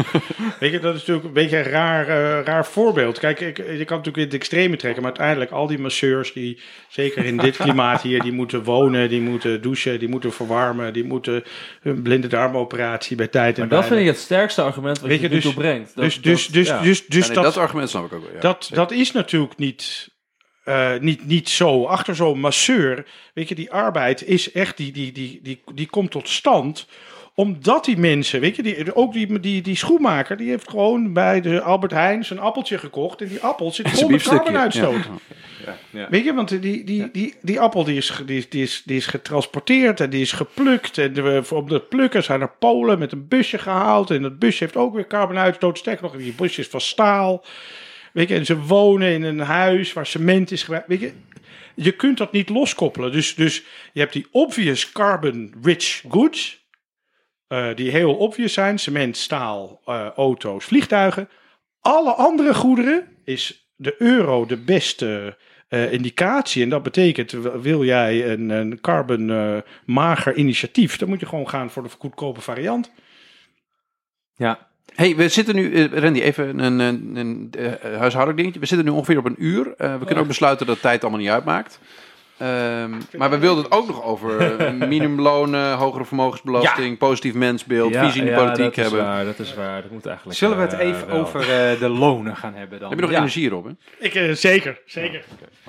Nou, Ja, jullie zien het niet, maar Robin zakte even helemaal naar achter. Nou, Wel ik met een grote glimlach. Ik had, niet door. ik had ook niet door dat we al op een uur zaten. Nee, maar ja, de nee. tijd vliegt als je lekker aan het eh, oreren bent natuurlijk. Ja, nee, we- wij hebben hiervoor eh, ook een hele interessante gast gehad. Linda Vermeulen. Ja. eh, bij de vakbond. eh, Ja. Vakbondsbestuurder Retail. Dat is dus een hele lastige vakbondshoek. Want eh, dat is heel, heeft een notoor lage organisatiegraad. Ja. Ehm, maar haar belangrijkste strijd is dus, ehm, of onze belangrijkste conclusie van het gesprek met haar was, minimumloon moet omhoog. Want dit soort eh, sectoren zijn moeilijk te organiseren, dus nou, hè, die collectieve eh, onderhandelingskracht is soms niet zo groot. Ja, dan moet het maar via de politiek en via het minimumloon geregeld worden. Dat is ook iets waar jij al, al een poosje druk over maakt, toch? Ja, ja hier, dit, dit, is ook, hier, dit is ook waarom ik wel eens de marxistische VVD'er word eh, genoemd. Want dat is echt niet zo. Ik ben gewoon echt een liberaal. Kijk, de, dit is allemaal begonnen ehm, omdat ik echt eh, denk dat eh loonmatiging, die op zich terecht was toen daar ooit dus toe besloten werd, die loonmatiging en alles wat ermee te maken heeft, ook echt heeft bijgedragen aan het ontstaan van de kredietcrisis. Zo ben ik eigenlijk op dit pand gekomen en thuis dat boekje uitgekomen. Sparen is geen deugd. Maar waar je dan dus achter komt in de loop van dat proces, van dat onderzoeksproces, ook wat ten grondslag ligt aan dat boekje, is dat we. Kijk, wat wij sinds 1980 hebben gedaan, is wij hebben een verzorgingsstaat voor het bedrijfsleven gebouwd. Het is echt een nanny state voor ondernemers. We hebben arbeid extreem goedkoop gemaakt. We hebben arbeid op allerlei manieren zitten te subsidiëren. Met de kinderopvangtoeslag, met de huursubsidie, met de LIF, met de jeugdlif. De met, LIF is de eh, Primark eh, bonus, hè? Exact. Waar Ja. het, eh, met, met, met van alles en nog wat. We hebben de vakbonden stuk gemaakt natuurlijk. eh, Minimum jeugdloon. In de jaren tachtig. We hebben de jeugdlonen ingevoerd. Eh, we hebben de erfenisbelasting hebben we afgeschaft. We hebben box 2 ingevoerd, waarmee je belastingheffing eindeloos, eindeloos kunt uitstellen. De opvolgingsregeling. Oh ja. Eh, Kan je zeggen dat het... het, eh, het gaat maar door, het houdt maar niet op, het houdt maar niet op. En we hebben een nanny state voor het bedrijfsleven. Het bedrijfsleven hangt continu, elke dag, aan de tiet van de overheid. En als liberaal vind ik dat een treurig, treurig, treurige constatering. Ehm, en het is, eh, het MKB hangt aan de tiet van de overheid. Het grootbedrijf hangt nog veel meer aan de tiet van de overheid. En als je daar ook maar een opmerking over eh, maakt, dan staan ze bij MKB Nederland en bij VNO op de achterste benen. En ondertussen gaat het in de politiek over mensen, hele zielige eh, mensen die een foutje maken eh, in het aanvragen van de bijstand en dan ehm, hun leven volkomen zuur worden gemaakt. kapot worden gemaakt. Ja. Ehm, het is de verzorgingsstaat voor het bedrijfsleven die ik wil afschaffen. En dat maakt met zich mee dat het minimumloon omhoog moet. Dat we de toeslagen moeten afschaffen. Dat we de loonsubsidies moeten afschaffen. Ehm, en er zitten een heleboel andere dingen ehm, eh, aan vast. En dat is niet links. Dat is liberaal. Het bedrijfsleven moet gewoon op eigen benen kunnen staan. Het bedrijfsleven wat aan de titel van de overheid hangt, is per definitie niet concurrerend. Die redden het niet. Dus op het moment dat mensen zeggen van ja, maar ehm, als de, de minimumloon omhoog gaat, eh, dan, eh, dan, dan, dan gaat mijn, eh mijn, pollen, mijn, mijn bollepelbedrijf naar de kloten. Dat is je ondernemersrisico. Misschien wel een stom bollenbedrijf. Hè? Jouw Ja. bedrijf heeft gewoon geen toekomst in Nederland. Ja, want dat zeiden we ook in de voorbespreking. Dat eh, eh, in, de super, in de super, als je in, de- in het buitenland in een supermarkt komt, in Amerika of zo, dan zie je daar allemaal ehm, volwassenen, daadwerkelijke volwassenen. Terwijl in Nederland het businessmodel van de Albert Heijn draait op kinderarbeid. Zo is in het. feite, het jeugdminimumloon. Zo is het. En dat is dus nergens voor nodig. En op het moment, weet je, het punt is, het punt is ook nog eens dat als je nou kijkt van, eh, weet je, het gaat ten koste van banen of wat dan ook. We weten dus nu gewoon dat dat niet zo is. Kijk, er zijn in andere landen wordt de verzorgingsstaat voor het bedrijfsleven beetje bij beetje afgebroken. Met name in de Verenigde Staten, althans in sommige delen van de Verenigde Staten en in het Verenigd Koninkrijk. Daar worden de minimumlonen dus sterk verhoogd. En daar zie je dus gewoon dat het niet ten koste gaat van de werkgelegenheid. Ik vind, eh, maar hoe hebben we dat ooit kunnen denken? Ik vind het ook zulke common sense. Want juist ehm, mensen die nou, aan, de, aan de onderkant qua betaling van de arbeidsmarkt zitten, die geven bijna alles uit wat ze, wat ze binnenkrijgen. Dus die, die iedere euro verhoging van het minimumloon, die wordt gewoon geconsumeerd in Nederland. Zo waarschijnlijk. Nee, dat, dat, nou, dat is niet het enige. Maar het, het andere is natuurlijk ook als je kijkt waar de minimumlonen eh, betaald worden, dan is dat ook vooral in sectoren die zich op het binnenland richten.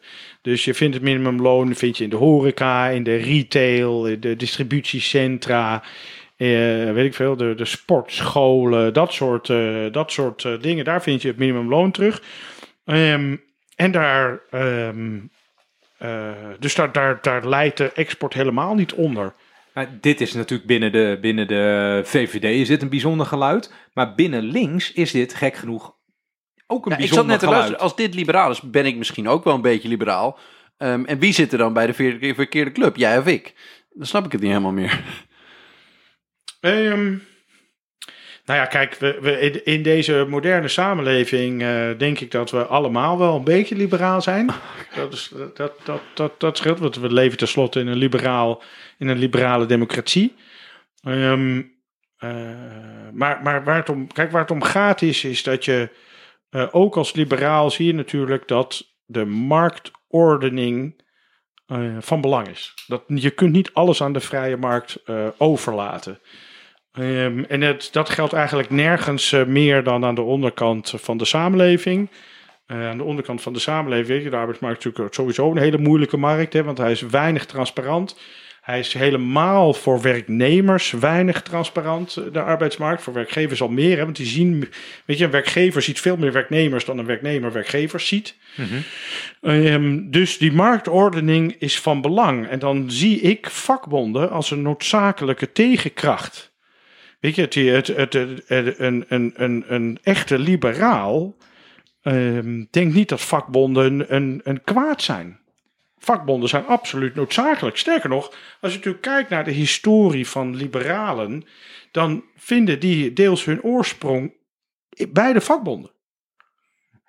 Leg me dan eens uit waarom, ehm, ik ben het hier helemaal mee eens overigens, waarom hebben vakbonden het hier zo moeilijk mee? Want het lijkt me zo, eh, ik heb een keer een, een, een filmpje gezien eh, waarbij jij volgens mij een, eh, een soort praatje houdt bij de FNV en dan zeg je, jongens, doe even normaal, jullie moeten gewoon voor een minimumloon van 14 euro of zo, ik weet niet meer wat je zei. Dat was 15 toen. Flex 15 voor 15. euro. Flex Nou, voor hier. 15. Ja, en dan laat je ze het volgens mij, het is allemaal uit geheugen hoor, dan, dan laat je ze het allemaal in koor zeggen van sukkels, hè? Ja. Zo simpel is het. En, dat denk ik ook. Zo simpel is het. Waar gaat dat nou mis dan? Nou, de- deels is het gewoon een cultuurkwestie. Het is denk ik ook een, een generatiestrijd. Kijk, wij, wij zijn, althans de, de, de, de powers that be van pak een beetje tien jaar geleden, zijn natuurlijk allemaal opgegroeid in de jaren 70 eh, en 80.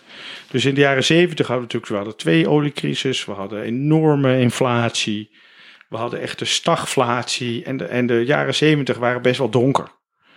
Eh, waren best wel naar.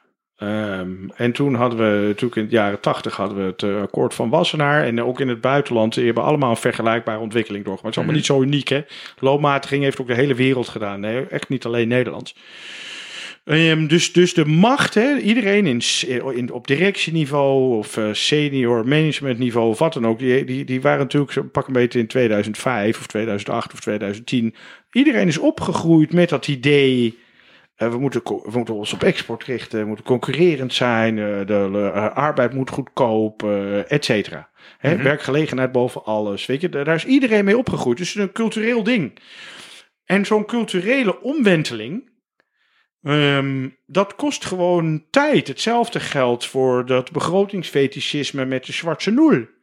Weet je, dat, is ook, Ja, dat, is, dat, zijn niet, dat, zijn niet alleen, dat zijn niet alleen economische fenomenen, het zijn ook culturele eh, fenomenen. Zeker die zo diep verankerd liggen eh, bij mensen zelf, eh, individueel en in groepen, dat het eindeloos duurt. Ik weet nog dat ik bij, met loonmatiging begon in 2012 dat er jonge economen bij DNB waren. Die vonden dat een interessant verhaal. En die dachten toen, daar zit wat in. En die werden allemaal teruggeroepen geroepen door Job Zwank. Oh ja, directeur Job, bij Job DNB. wilde er absoluut niet aan. En die was directeur beleid of zo. Ik weet Ja, even- zoiets. in ieder geval eh, directie. Eh, directie, eh, directie op eh, denken en visie, zeg maar. Ehm, en dat duurt dan, weet je, de, volgens mij duurde het zo wel drie jaar voordat ehm, die, die jonge garde Job Zwank zover had. En, en zo zie je hoe lang dat duurt. En dezelfde soort processen vinden bij CPB plaats en bij financiën en et cetera. En voordat dat, voordat dat draait, ben je eindeloos. Wel, dat- Gisteren hadden we, hoe heet dat, eh, van, de, van de Duitse centrale bank. ehm Wijtman. Weidman, die Die ineens- zegt. Ik- ja. tien jaar later. We moeten van de zwarte noel geen fetish maken. Nou, Ja, nou, dat was tien jaar dat geleden. inzicht komt eh, rijkelijk laat. Behoorlijk, ja. Komt behoorlijk laat. Dus, dus, dus dit zijn ook culturele fenomenen. En dat heeft eh, tijd Wat nodig. hier heel erg speelt, is dat natuurlijk we een grote crisis hebben gehad. Waarin eigenlijk, kort door de bocht, de eerste reactie is geweest, precies wat jij zei. Eh, toch weer gewoon gelijk loonmatigen, op de export richten, begrotingsteugels aantrekken. Dat is allemaal gebeurd. En nu komen we erachter, beetje Precies verkeerd. Oei, toch niet helemaal goed gedaan. En nu ineens begint iedereen weer na te denken, oeh, misschien moeten we toch wat anders doen. En zelfs meneer Weidman eh, gaat dat nu doen. Maar je ziet het ook in, in Nederland. Er wordt discussie natuurlijk over hogere lonen. Eh, misschien moeten we iets anders met begroting gaan doen. Dat begint nu te komen. Ja. Maar wel rijkelijk laat hoor. Rijkelijk laat. Want het is niet zo dat je die analyse nu pas kan maken. Of dat de kennis dat het fout was er nu pas is. Nee, die was er gewoon tien jaar geleden ook al. Alleen wilden mensen toen niet naar Ja, kijken. dat- dat is Door een de- culturele inslag denk ik. Dat is ooit, ik ben ooit even kort bij DNB gedetacheerd geweest. Die brengen ieder jaar zo'n soort publicatie uit. Ik ben even nou de, de naam kwijt. Ja. Ehm, en daar werd weer in gepleit voor loonmatiging, inderdaad. Dit is een paar jaar geleden. Eh, en toen dacht ik, nou even een beetje, beetje, beetje hoe zeg je dat? Een beetje trollen. In, bij de presentatie vroeg ik, ja jongen, eh, dat klopt het, dat eh, het pleidooi voor loonmatiging of loonverhoging afhankelijk is van de cyclus. Ja, ja dat klopt. Zeg ze, nou, hoe kan het dan, dat had ik ergens gelezen toevallig, hoe kan het dan dat DNB al sinds de oorlog ieder jaar pleit voor loonmatiging? Hoe zit dat dan? Nou, dat was een schitterend, eh, een schitterende, lo- eh, En sommige dingen, zijn echt, sommige dingen zijn ook echt, weet je, dat, want dan merk je dus ook dat het denken stopt. Kijk, op zich, het hele idee van een exportgerichte economie, zoals eh, met name Duitsland en, eh, en Nederland dat natuurlijk jarenlang hebben gehanteerd, was hartstikke goed beleid. In de tijd dat we nog de Duitse mark hadden en de Nederlandse gulden. En dan kun je zeggen: oké, dit zijn open economieën, gericht op het buitenland. Ehm, eh, en daar verdienen we eh, ons brood. En we zijn zelf resource poor. En we moeten toch export doen om die, eh, om die resources te kunnen inkopen. En die munt een beetje op peil te houden. Nou, hartstikke verstandig. Maar dan komt die euro. En ineens ben je geen open economie. Maar als eurozone ben je gewoon een gesloten economie. Grote gesloten Het economie. is echt een Ja. gesloten economie. Weet je, we- het is een paar honderd miljard aan resources die de eurozone importeert. En, dan, en dus ook een paar honderd miljard die je exporteert. En heb je het gehad. Ehm, dus je bent ineens een gesloten economie eh, geworden. En dan is het idee van we, we, we gaan ons op export richten. Maak je alleen maar uitzonderlijk kwetsbaar. En dat zie je dus nu ook. Weet je, dat zie je met name in Duitsland. Dan valt het in China een beetje tegen. Hoppakee. Gelijk, eh, gelijk in, de, in, de, in, de, in, de, in de min schieten. En dan zie je dus, het is, we hebben al twintig jaar de euro. Hè? Dus je ziet hoe lang het duurt voordat die, die, die, die ingesleten denkpatronen worden omgezet. Ja, daar gaat gewoon een generatie overheen. En dat is, dat is politiek, dat is macht. Ja, maar je had het, je had het ietsje eerder, Wiemer, over de conventional wisdom. Ja, precies. En toen- Bij het toen- voor eh, etentje hadden we dat Ja, en toen zeiden we, ja, dat is hoe je lekker carrière maakt. Door daar gewoon als, als een debiel aan vast te houden. En dat heb jij zei net de zwarte nul. Ja, dat is natuurlijk, als je in Duitsland iets anders propageerde dan eh, de begroting Ja. moet sluiten, koet, koet, hè, kan niet schelen wat de gevolgen zijn. Dan maakt hij gewoon geen, geen carrière bij de Bundesbank of bij het ministerie van Financiën. Dan kan je het wel vergeten. Ma- Mag ik nog even wat anders opbrengen? Want wat jij, oh, je noemt net wel iets interessants. Je zegt dan, dan houden mensen weer eens op met denken. Ze stoppen met denken in Ja. bepaalde situaties. En wat je ook beschrijft is dat een echte liberaal in jouw ogen voor zaken is als eh, verhoging van minimumloon, ehm, eh, meer ruimte om de last op arbeid te verlagen en, en, eh, misschien zelfs hoger last op vermogen. Ehm, al die gekkigheid als minimumjeugdloon eruit, eh, de zelfstandige aftrek, LIV. Ehm, dat, dat zijn thema's waar wij traditioneel van voelen: van dat zouden of progressievere partijen of sociaaldemocraten of misschien zelfs de socialisten vinden. Maar impliceer je dan ook van als die het niet doen of niet goed doen of die te incompetent zijn om dat in beleid om te zetten, dan gaan langzaam de partijen die we traditioneel als rechts beschouwen dat wel fixen. Nou, dat is natuurlijk wat je, dat is natuurlijk wat je ziet gebeuren. Bedoel, dat zie ik ook bij de, bij de VVD eh, gebeuren. Ik, ik, ik mag nog steeds af en toe een prijs houden bij de eh, VVD. En eh, daar zie je nu dat als ik daar nu praat over eh, wat hogere lonen of de toeslagen afschaffen of zelfs een, eh, een negatieve inkomstenbelasting, eh, dan wordt er alweer heel anders gereageerd dan drie, vier, vijf jaar geleden. Ehm, dus, dus ja, ik zie die beweging, ik zie die beweging plaatsvinden. Het grappige natuurlijk is, als links het ook niet doet, dan is er ook veel meer ruimte voor rechts om het wel te doen. Ja, je hebt op- gewoon tegenstand nodig. Hè, dus, dus de, kijk, op het moment dat. ehm, ehm, eh, kijk, op links, neem bijvoorbeeld de SP. De SP wil eh, geen negatieve inkomstenbelasting. En eh, de Partij van de Arbeid die wil dan wel een, ehm, een wat hoger minimumloon. Maar die wilde dan niet de uitkeringen ontkoppelen. Bijvoorbeeld. En dat is ook precies de reden waarom het dan op links gewoon niet rondrekent. En dus komen ze er niet mee. Vanwege oude dogma's. Weet je, ander soort dogma's. Maar dogma's uit dezelfde tijd. Dezelfde jaren tachtig. En dan zie je dat dus dat er ruimte ontstaat op rechts. Om het wel te doen. En dan zie je ineens gewoon dat progressief beleid. Gewoon in de zin van de, de zin om te veranderen. Die komt dan van rechts. Zoals die ook in Engeland van rechts komt. Weet je, daar waar, waar Corbyn, dat was een beweging terug naar de jaren 70, terug naar de jaren 80. En, weet je, en dat is gewoon niet de, dat is niet de route. We hebben de 21ste eeuw, we moeten naar iets nieuws toe. Het Ja. was echt uit het hart gegrepen. Ik kan daar zo slecht tegen. Tegen mensen die zeggen het gaat slecht met een partij. Kom, we gaan terug naar hoe het in de jaren 70 of 80 was. Want als we daar naar terugkeren, dan winnen we alle onze oude kiezers terug. Dan denk ik echt, je die- bent dat is niet natuurlijk onzin goed natuurlijk. bezig. Ja. Je analyse is fout. Sowieso voor de linkse partij is die analyse fout. Voor de Partij van de Arbeid helemaal. Want op het moment dat dat de route terug was, dan was de SP de grootste partij van het land geweest is de afgelopen 20 jaar. Dat is niet gebeurd. Dus je moet juist je gedachten goed vernieuwen. Je moet vooruit. En dat vind ik wel heel bijzonder dat, ehm, dat het toch aan de rechterkant veel meer eh, gebeurt. Ook in Engeland waar we het net over Ja, hadden. maar... maar- dat komt gewoon dat aan die kant is er veel meer bereidheid om de gedachtegoed te veranderen. En ik ga het nu negatief uitleggen, ook met het idee van als we dat doen, dan blijven we groot, krijgen we stemmen, we willen ook de macht hebben. Dat zit er ook echt bij. En dat, dat zet stappen tot het, tot het durven veranderen van ideeën. Ja, dat ja. vind ik bij vind ik aan de, aan de links-progressieve kant wel, wel behoorlijk minder. Als daar wat bewijs komt dat de, de standpunten eigenlijk geen stemmen trekken of, of niet zullen werken, dan blijft links er in mijn gevoel toch wat langer aan We moeten het beter uitleggen. Ja, moet het beter uitleggen, of ze hebben het niet begrepen. Of zoals Corbyn nu zegt, het lag aan de media. We hebben Ja, wel het debat gewonnen, maar niet de stemmen. Wat is dat Kijk, voor maar voor uiteindelijk bullshit? gaat het om, de ben je bereid om je dogma's los te laten? En ik geloof echt dat partijen die aan hun dogma's vasthouden, die gaan gewoon allemaal, die gaan gewoon allemaal stuk. Creative destruction. Ja, je, je, je, je moet je dogma's eh, loslaten. Kijk gewoon naar een maatschappelijk probleem. Laat dan eerst even al je dogma's los en ga dan praten over de oplossing.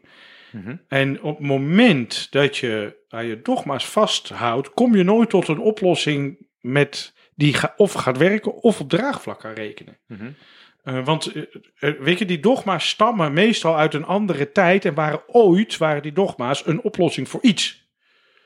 Maar het, dat past niet meer. Dus, Ja, dus- ooit was dat gewoon een versimpelde weergave van wat, wat de goede oplossing was Exact. in die tijd. Zo is het. Ja. Dus je moet je dogma's eh, vasthouden. En eh, weet je, en op, op, links, daar bij de SP is natuurlijk eh, een basisinkomen is oneerlijk. Is een heel oud dogma daar. Bij de Partij van de Arbeid is het de koppeling moeten we altijd vasthouden. Ehm, nou, wa- wat prima kan, maar niet als je het minimumloon wil verhogen naar 14 euro. Weet je, dan kun je, is die koppeling niet te handhaven. Dus, dus Nee. je, moet, je moet bereid zijn om je dogma's eh, los te laten. En uiteindelijk zie ik dan toch bij rechts daar meer bereidheid toe. ja, ik vind dat een fascinerend. Ik zie dat ook hoor. Je kan zelfs eh, wel zeggen dat eh, de, ook de, de, vroeger zat de revolutie op links en nu zit ook de revolutie op rechts. Want als, als, als we weer teruggaan naar de conservatieve partij in, in Groot-Brittannië, waar we mee begonnen. eh, nou, dat is, die maken behoorlijk revolutionaire tijden mee. Dat heeft niks het. met maatschappelijk eh, of politiek conservatisme meer te maken. Maar dat Nee, helpt ze wel eh, aan de macht. Ja, klopt. En bij Corbyn wordt er gedaan alsof het vernieuwend is wat die man Het doet. is totaal- het is het tegenovergestelde van vernieuwen. Het is zeer conservatief Ja. wat, eh, wat Corbyn ervoor gesteld. Nou, ik vind het dan toch een fascinerende vraag, waar ik ook het antwoord niet op heb. Hoe kan het dan dat dat denkwerk, wat tot de nieuwe dogma's eh, zou moeten leiden, ik zeg het dan even hè, flauw, dat gebeurt niet.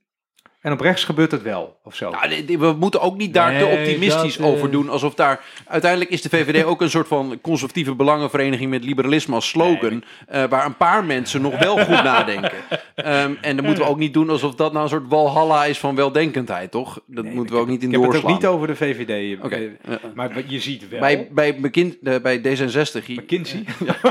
Dat is ook zelfs McKinsey Dit heeft, D66 ook wel, hetzelfde. dit, heeft, dit heeft ook wel te maken met een andere respons op eh, dingen, op, op verschijnselen als Trump, eh, Brexit Ja, en dat eh, de opkomst van, eh, van extreem of radicaal rechts. Kijk, voor links is eh, de opkomst van Trump en, en, en radicaal rechts en Brexit een. Zie je wel. eh, dit, dit komt natuurlijk eh, door dat neoliberale beleid, dus we moeten linksbeleid hebben. Mhm. And everything stays the way it was. Maar voor rechts is het. ehm, hey, misschien komt het in de, misschien hebben we inderdaad gewoon te weinig aandacht besteed aan de onderkant van de samenleving. Nou, daar kunnen we best wel wat aan doen. Dus, dus de reactie van rechts op het recente verleden ehm, leidt dus tot veranderingsbereidheid, terwijl de reactie van links op het recente verleden is, zie je wel, heb altijd al gelijk gehad. En, dat, en, dat, en dan zie je, kijk, ga, verwijs ik weer naar Jeremy Corbyn, want wat zegt hij? Eh, we've won the argument, Ja, we lost Ja, the lost the election. election. Ja. En, dat, en dat, het grappige is, iedereen vond dat natuurlijk idioot wat hij zei. En dat is ook idioot dat het uit zijn mond komt. Maar hij had wel gelijk. Rechts verschuift naar links. En dat komt, rechts is door Brexit en Trump gedwongen om naar de onderkant van de samenleving te kijken. En links heeft zoiets van, nou, zie je wel, eh, weet je, bij links is het juist een verscherping van de dogma's. Ja, kan je dan zeggen dat een, een, een, een rechtsconservatieve bijvoorbeeld, die naar de onderkant kijken, dat is zo'n sterk eh, huwelijk. Dat is toch zo'n sterke combinatie dat je ook het, het hebben van eh, misschien chaotisch leiderschap. Nou, dat dit, is toch gewoon, dit is gewoon, dit is toch gewoon, dit zijn we in Europa, op continentaal Europa, was rechts, rechtsconservatief. Met aandacht voor de onderkant was het succes van de Europese christendemocratie. Ja. Dat was het Dat recept. is waar. Ja. En het de CDU en het CDA en weet ik veel hoe dat in België heet en in Frankrijk heet. Die combineren, die- dat, dat, dat centrisme, rechtsconservatief op culturele thema's, eh, een beetje links, economisch. Mhm. Dat was, dat was 30, 40 jaar lang het recept voor de regeringsmacht in Europa. Zeker in continentaal Europa. Dus ook, volgens mij is dit ook een van de leerstellingen van Studio Tegengif. Ja. Dat een partij die doet waar die voor is, altijd goed scoort. Ook al heb je brievenbusplassers of eh clowns aan het roer. Dat maakt allemaal niet meer uit dan. Maar je hebt natuurlijk wel nog wat hier nog misschien nog wel bijspeelt. Is dat eh, links heeft natuurlijk in ieder geval Europese niveau ook wel een beetje een trauma aan dogma's loslaten. Want de laatste keer dat het gebeurde, was het de third way. De ideologische veren. De ideologische veren, Blair, Clinton, eh, hier Kok, alle verhalen. Eh, en er wordt er, er wordt natuurlijk niet met heel veel plezier op teruggekeken op die tijd. Dus ik snap, en dat, dat, dat is, dat is niet maar een dat is- die rechts heeft. Of die, die, die, Maar dat is Dus heel raar. Waarom, waarom kijken jullie daar zo slecht op terug? Want Kok en Blair en, en Clinton waren wel allemaal aan de macht. Omdat dat de, de eerste voorbodes waren van de procesmanagers die de macht boven het ideaal stelden. En daarom zijn veel linkse mensen nog op zoek naar mensen die authentiek het ideaal verwoorden. Zoals we voordat de machtspolitici eh, het voor het zeggen Ja. kregen. Dit is eh, want jij bent hier helemaal door eh, in de war. In de zin van, Ja. want dat is precies wat we net observeren. Dat aan de rechterkant is dus bereidheid Ja, om totaal te veranderen. En dan zeg ik een beetje cynisch, maar dat komt ook gewoon omdat, ze de, omdat rechts een aanvoelt. Als we ouderwets rechts blijven, Ja. zeg maar, van Ja, dan, tien dan jaar gaan geleden. de, de racisten dan, gaan, dan verliezen we. Dus we, daarom ben jij zo blij met zo'n Dijkhoff die dan een beetje naar links eh, opschuift. Ja? Hè, eh, en dat, dat gebeurt dan ook gewoon. Ook met het idee, dit moeten we wel doen. Anders gaan we die zetels verliezen, jongens. We moeten aan de macht blijven. Dus dit moeten we doen. Eh, Dus dat machtsidee is heel belangrijk. Aan de linkerkant is dat minder het gevoel. Nee, dat is stout Want dat het zeggen, dan gaat het niet om de macht. Het gaat om de idealen en het verhaal. Eh, en we hebben net, we hebben al een keer eh, voor zijn voor de macht gegaan. Dat was in die, die derde weg tijd. Nou, dat gaan we niet nog een keer doen. Dus je, de, dat Nee, is maar- een soort, nee, maar soort dat is- maar volgens trauma dat- wat aan, aan de Nee, linkerkant volgens, wel mij zit. is dat, volgens mij is dat volkomen. Volgens mij klopt dat, volgens mij klopt dat toch niet helemaal. Want Vertel. Nou, het, het, zeg maar, dat doorgeschoten neoliberalisme, of dat, weet je, die verzorging staat voor het bedrijfsleven, ehm, die is misschien wel een klein beetje begonnen eh, in de paarse tijd, in de, in de, in de, in de, in de Koch-Blair eh, tijd. Ehm, ehm, maar ehm, hij heeft pas echt eh, de- die overdrive daarin is, en dan heb je het echt over, over na 2006, 7, 8. Ik bedoel, hoe is het nog in godsnaam mogelijk, hè? Dat het is 2009. Het is 2009. We hebben net de biggest motherfucker of all clusterfucks aan verkeerde, fout gegane marktwerking gezien aller tijden. Ja.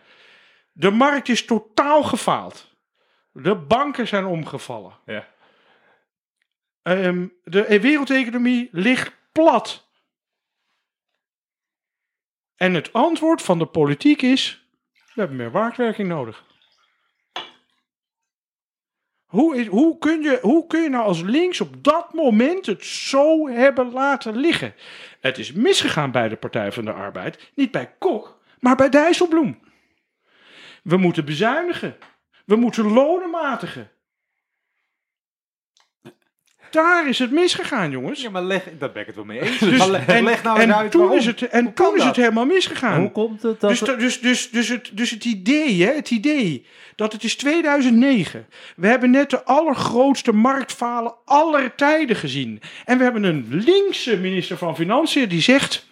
we moeten bezuinigen, want we moeten het vertrouwen van de markten handhaven. Het vertrouwen van de markten? Fuck you. De markten zijn, hebben net gefaald. De markten doen er even niet toe. De overheid is de baas. Dat had links moeten zeggen in 2009. En dat deden ze niet. En jij hebt me net verteld waarom ze dat niet deden. Want jullie werkten allemaal voor de PvdA. Jij zat in het bestuur van de PvdA. De Partij van de Arbeid wilde zo ontzettend graag regeren.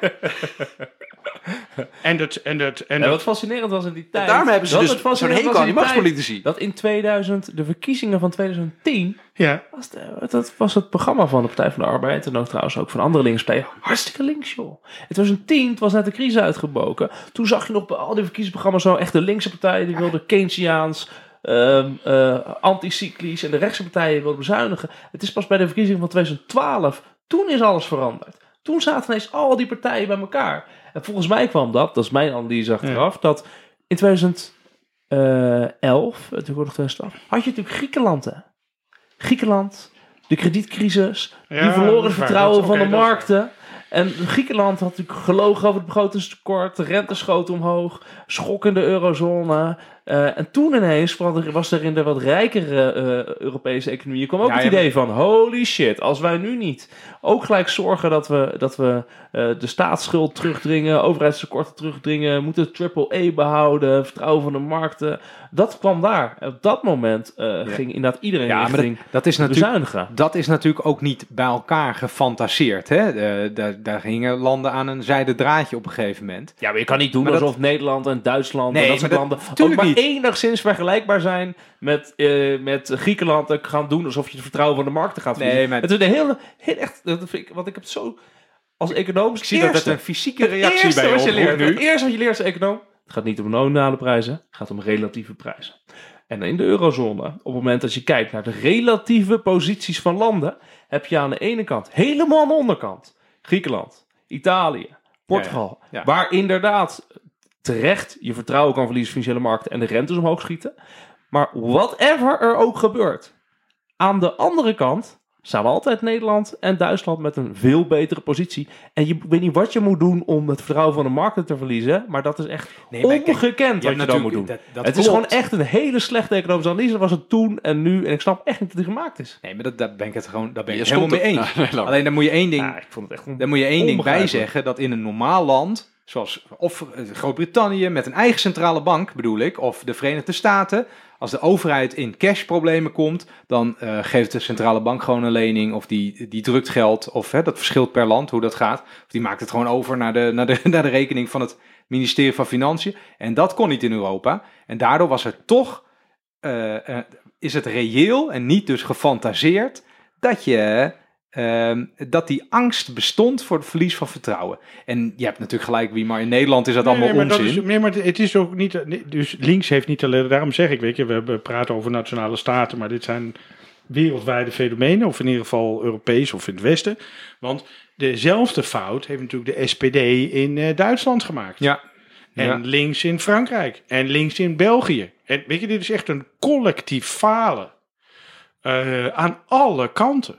Ja. Weet je, en op het moment, ja, op het moment dat je zegt als Europees leiderschap, ja, sorry, maar de markten zijn hier de baas, terwijl de markten net gefaald zijn. Ja.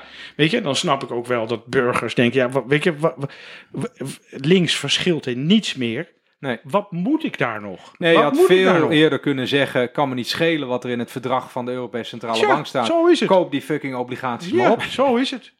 Ja. Zo Uiteindelijk zijn, hebben ze dat ook in gedaan. 2012 Natuurlijk. werd de PvdA Duurde even. bij die verkiezingen extreem populair. Extreem populair. Dus het kan niet zo zijn dat door dat Nee, nee, verhaal... nee, nee, maar dat is echt niet waar. Dat is echt niet waar. Bij, bij de verkiezingen in 2012 dacht iedereen nog eh, aan de linkerkant van het spectrum.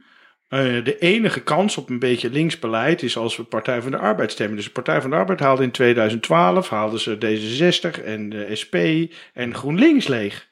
En vervolgens zijn al die linkse stemmers zijn verraden door, eh, in, bij het regeerakkoord. Nou, en mensen lezen die verkiezingsprogramma's ook niet, natuurlijk. Dat is gewoon ook een, feit. Ja.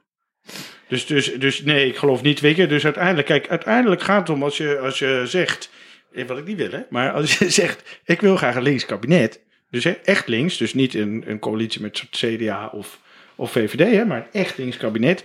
Dan, dan, dan moet je niet proberen om eh, stemmen bij GroenLinks of de SP weg te trekken. Dan moet je stemmen uit het midden trekken. Ja. Daar gaat het uiteindelijk, eh, daar gaat het uiteindelijk om. En dan weet je, en we hebben natuurlijk in Nederland nog nooit een, eh, of volgens mij bijna nog nooit een linkse meerderheid gehad. Nog Nee, nooit. nog klopt. Nee, misschien tijdelijk. 60, eh, eh, een keer 65 even. zetels en dan houdt het, eh, en dan houdt het op. In de peiling wel af en toe. Oké. Peilingen, Doet het op een gegeven moment rond Wouter Bos, geloof ik. Ja, Hey, ja, zeker. ehm, wij, zijn, wij zijn volgens mij een goed anderhalf uur bezig. Het is de een, langste aflevering ooit, denk een ik. geweldig Ja. gesprek. Wie Nou, Ja, Wie dit zin. uitspeelt, Misschien knippen we hem wel. Goed aan de twee mensen die, tot, die het tot dit punt gered hebben. ja, precies. hey, ik stel voor dat we hem eh, lekker, voordat de microfoons eh, in de fik vliegen, eh, dat we hem rustig gaan gaan afronden. Oké. We waren ook bij, bij een soort zijn uh, gewoon de vermogensbelasting zijn we gewoon vergeten. Hadden we ook nog over kunnen hebben. Ja, dat doen we een volgende keer, denk ik. Ik vond het wel echt... eh dankjewel, eh, Robin. graag gedaan. Compliment Vond het ook. superleuk. Eh, ja, je Ja, bent ja, een van mijn zeker. favoriete liberalen. Ja, precies. Was leuk. Was leuk. Nou, lieve luisteraars, eh, Robin, eh, ook namens mij van harte dank voor je komst naar Den Haag, naar ons studiootje. En eh, ook de luisteraars bedankt voor het luisteren. En tot volgende keer, denk ik. Ja, tot volgende keer. Dankjewel.